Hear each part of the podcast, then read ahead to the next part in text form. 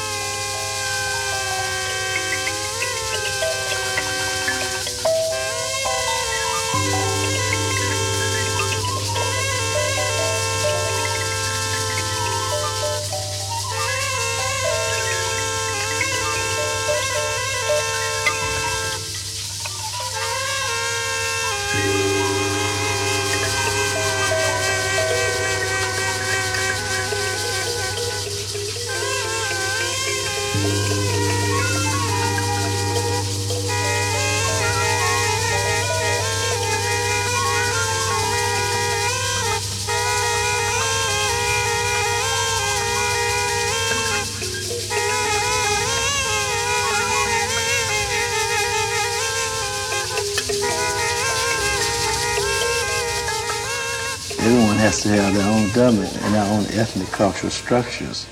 And until black people get that, they'll just be like, well, float on the ocean of life.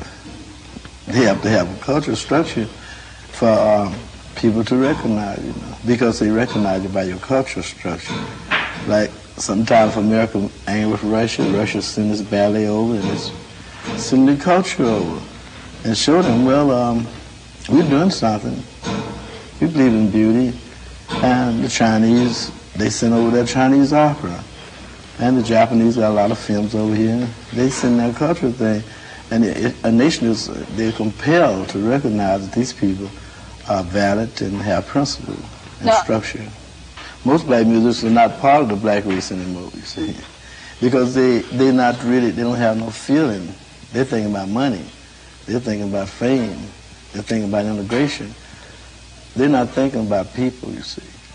Like other musicians do concerning their people. You, have to play for your people, you see. You have to uh, develop your ethnic structures. And every nation has people in there who can look out for their race to develop the ethnic structures. Without that, any nation can forget it. Don't care how righteous they are, what they are. They don't have the music. If they don't have a philosopher, if they don't have things on a higher plane, they're not going to make it.